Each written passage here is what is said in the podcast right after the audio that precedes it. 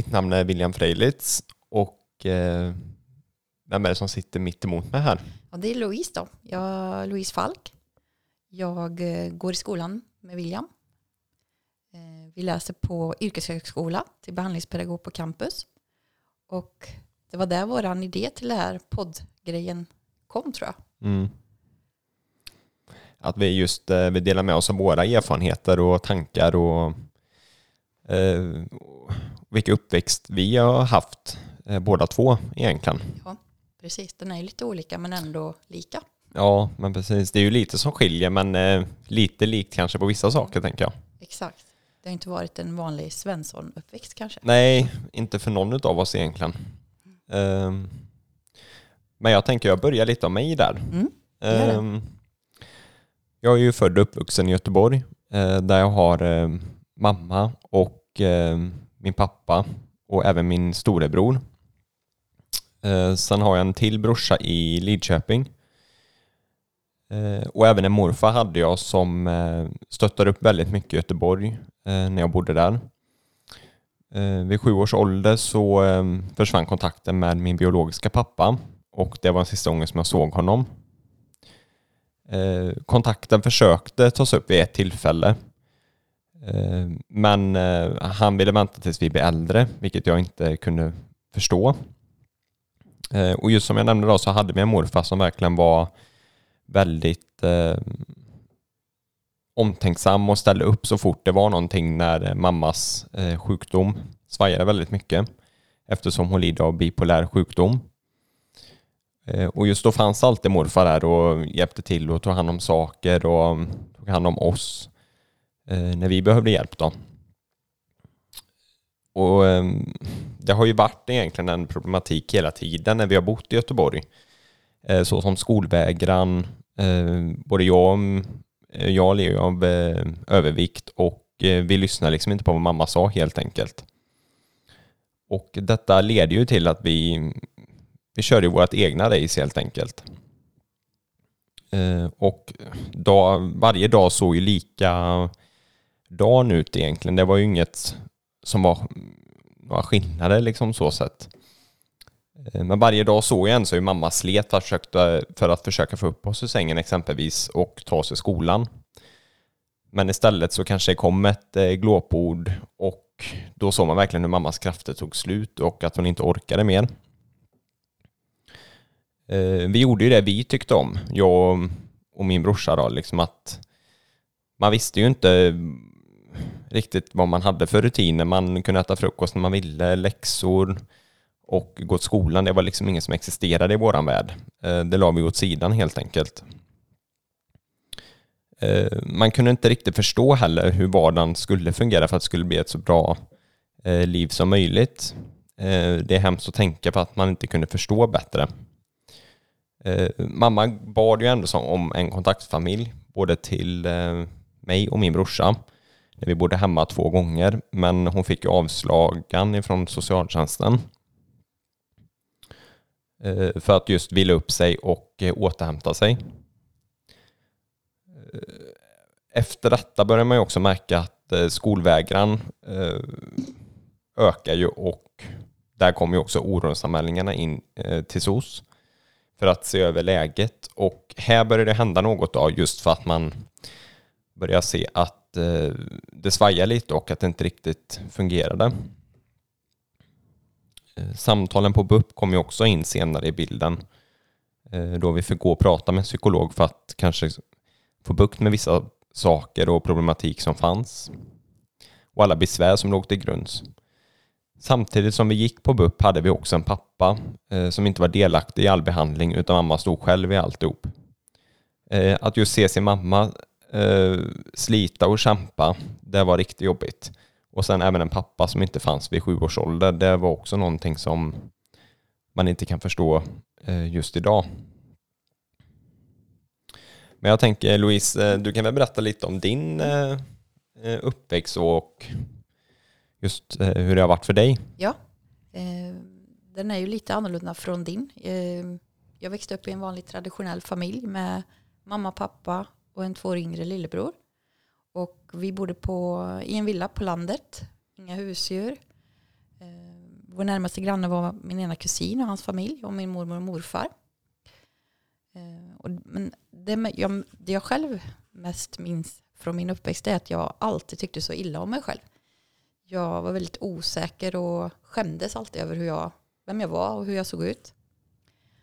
Och eh, jag hade redan vid åtta års ålder en väldigt komplex över hur min mage var stor och det var det enda jag kunde tänka på. Eh, och jag ville som sagt bli smal, vilket ju väldigt många tjejer vill idag i en väldigt låg ålder. Mm. Eh, då var det ju dock inte så väldigt mycket sociala medier som kanske påverkar tjejer idag, tjejer och killar också såklart. Men eh, jag tyckte helt enkelt inte om hur jag var. Och jag drömde om att jag skulle banta och bli smal.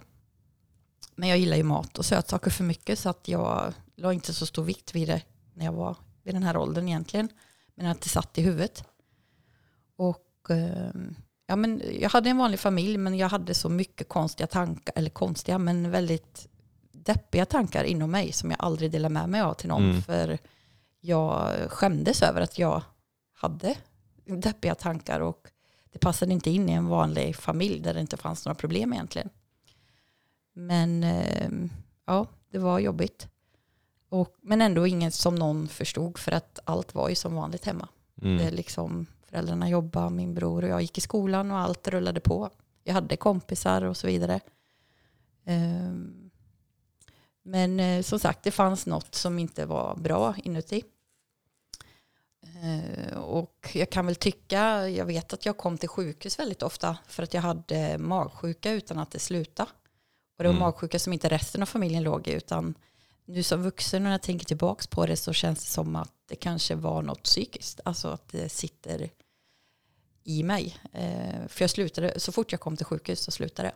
Det var ja. som att nu trodde jag att jag skulle få hjälp. Men ja, jag vet inte riktigt. Men det var, jag kan känna att min kropp på något sätt visar att jag egentligen inte mådde bra. Eftersom jag aldrig pratade om det. Mm. Eh, ja, så var det. Eh, men som sagt, jag växte upp och sen så, ja, jag spelade piano och höll mig mycket för mig själv jag tyckte det var jobbigt att hänga med kompisar för att jag jämförde mig så sjukt mycket med dem hela tiden och upplevde alltid att jag var den sämre varianten. Men jag vet att mina vänner inte upplevde mig som det. Eh, men det var så jag upplevde det och kände.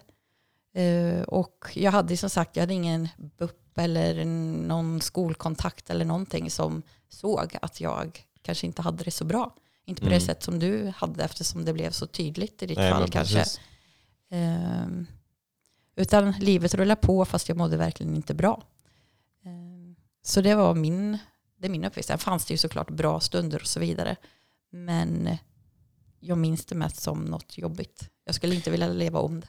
Men en skillnad är ju egentligen att alltså ditt, din erfarenhet, den har man ju inte sett. Om man tänker på hur du har haft det i din familj så mm. har ju det varit det har ju inte varit synligt utåt nej, liksom. Nej, Mitt har ju varit väldigt synligt ja. utåt om man jämför. Och, och då det är blir det ju en... lättare att ta på det. Alltså jag tänker att sätta in en, en, en form av stöd och hjälp. Ja, men precis.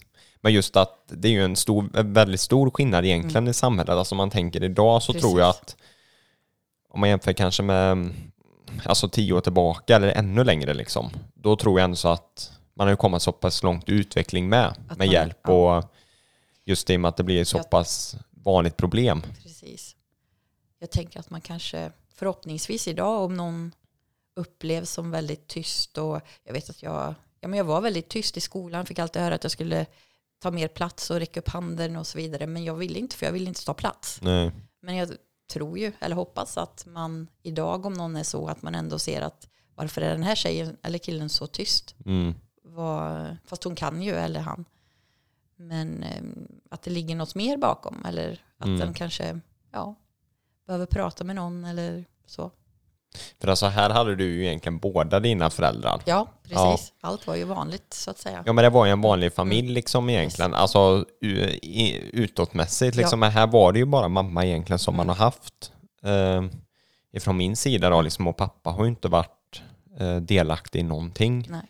Och det ser man ju idag, alltså att den biten tror jag är väldigt viktigt att man har med sig. Att båda föräldrarna, liksom, där har det ju varit den problematiken hos dig. Liksom. Mm. Men ehm, ja, nej Ja. det är väldigt det är väldigt olika Olika, ja. uppväxter men det är väldigt, det är en del saker som är väldigt lika också på ett sätt. ja. För någonstans så behövde vi väl båda stöd och hjälp. Mm. Eh, Sen är ju bara frågan liksom eh, hur synligt det ska bli liksom för att man ska få hjälpen. Mm. Alltså uppväxten om man tänker i, alltså i Göteborg, den är ju ändå så man minns ju inte så mycket heller ifrån man kanske var 6-7. Vissa saker minns man ju väldigt tydligt. Medan vissa saker kanske är väldigt diffust eller att man blir påminn om att jaha, det var så vid det tillfället eller att man kopplar eller relaterar vissa saker. Eh, och det, det tror jag också att, just som jag nämnde då, morfar var ju väldigt, eh, väldigt betydelsefull egentligen för han var ju som en extra pappa för mig. Det var ju att han stöttade ju upp liksom så fort mamma kanske behövde sjukhusvård liksom eller att man eh, behövde stöd av honom helt enkelt. Då fanns ju han alltid där. Man visste ju att det var bara att ringa liksom om man behöver den hjälpen. Eh, så det, det ser jag som en väldigt stor fördel egentligen men eh, att inte ha haft en pappa egentligen som varit närvarande det är ju, det är ju också väldigt svikande på ett sätt liksom. Och det tänker man ju mer på idag egentligen. Skulle jag vilja säga. Jag vet inte, hur tänker liksom du kring men om man tittar på alltså helheten på din uppväxt, det blir ju också att Jag önskar ju att folk hade vågat fråga mer. Ja, alltså jag tänker precis. att, alltså, jag vet ju inte, men jag tänker att någon borde ju ändå ha sett att allt anat kanske liksom. inte stod rätt till. Mm. Att det är, den här tjejen kanske inte är så glad och nöjd. Mm. Vad är det som, eh, ja, men någonting. Och sen kanske folk frågade, men att jag blev för rädd för att ens yppa och sa att det var bra och då Mm. lyssnar man på det. Men eh, ja, det är svårt, det är finns inget riktigt att ta på.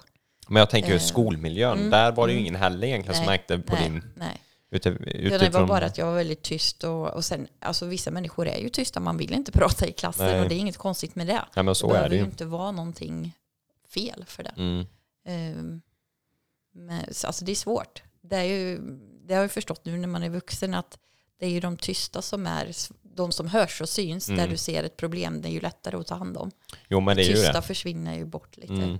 och kan glida med utan att, att det märks. Men som sagt, det kommer vi ju till sen, men det märks ju sen att Ja. jag inte mår bra. Och jag Jo. hittar ett sätt att visa det på. Men när jag växte upp så visste jag inte Mm. hur jag skulle och varför. Och, allt var bara konstigt. Men sen tänker jag också just om man tittar på hur Alltså här reagerar ju skolan väldigt tydligt liksom. När vi eh, om man tittar utifrån mitt perspektiv då, i Göteborg så var det ju väldigt alltså, tydligt när man inte var närvarande eller man kom Såklart. inte på lektioner liksom och, och allt det här. Och det, det är ju också en reaktion. Alltså som blir och jag menar jag kommer ju ihåg liksom vissa gånger när mamma nästan lockade bara för att lockade med oss till eh, tappen liksom för att köpa en smörgås eller en dricka liksom bara för att vi skulle komma till skolan och ibland funkar och ibland inte. Ehm, så att det är också någonting man ser att uppväxt, alltså uppväxten har ju varit väldigt påverkande på olika sätt egentligen ifrån, alltså båda, för oss båda egentligen så sätt om man tittar på ditt har ju inte varit så synligt liksom. Nej, nej, precis. Medan mitt har Alltså- varit väldigt synligt. Jag hade ju säkert, det hade ju, hade jag struntat i skolan eller kanske Mm. agerat ut min eh, ilska som jag hade mot mig själv. Men jag vände ju allt inåt. Hade jag vält det utåt så hade det ju mer blivit tydligt att något var inte bra hos den här tjejen. Mm. Men istället så hade jag ju bra, det gick bra i skolan, jag hade bra betyg längre fram och det liksom, jag ville vara den perfekta och det är ju lite synd för att det döljer ju vad som egentligen finns där inne. Mm. Mm. Det var väl lite om våran uppväxt. Har du något mer du vill lägga till William? Nej, men inte som jag tänker på just nu så i alla fall. Um, det kommer ju in, vi kommer ju in lite mer på orsaker och eh, så i nästa avsnitt där. Precis. Eh, och det är också vissa skillnader och likheter kanske på olika sätt skulle jag Mm. vilja säga. Ja, precis. Men eh, det var väl allt för oss egentligen just nu. Det var allt för oss ja. Ja, Vi hörs. ja. hej då. Hej hej.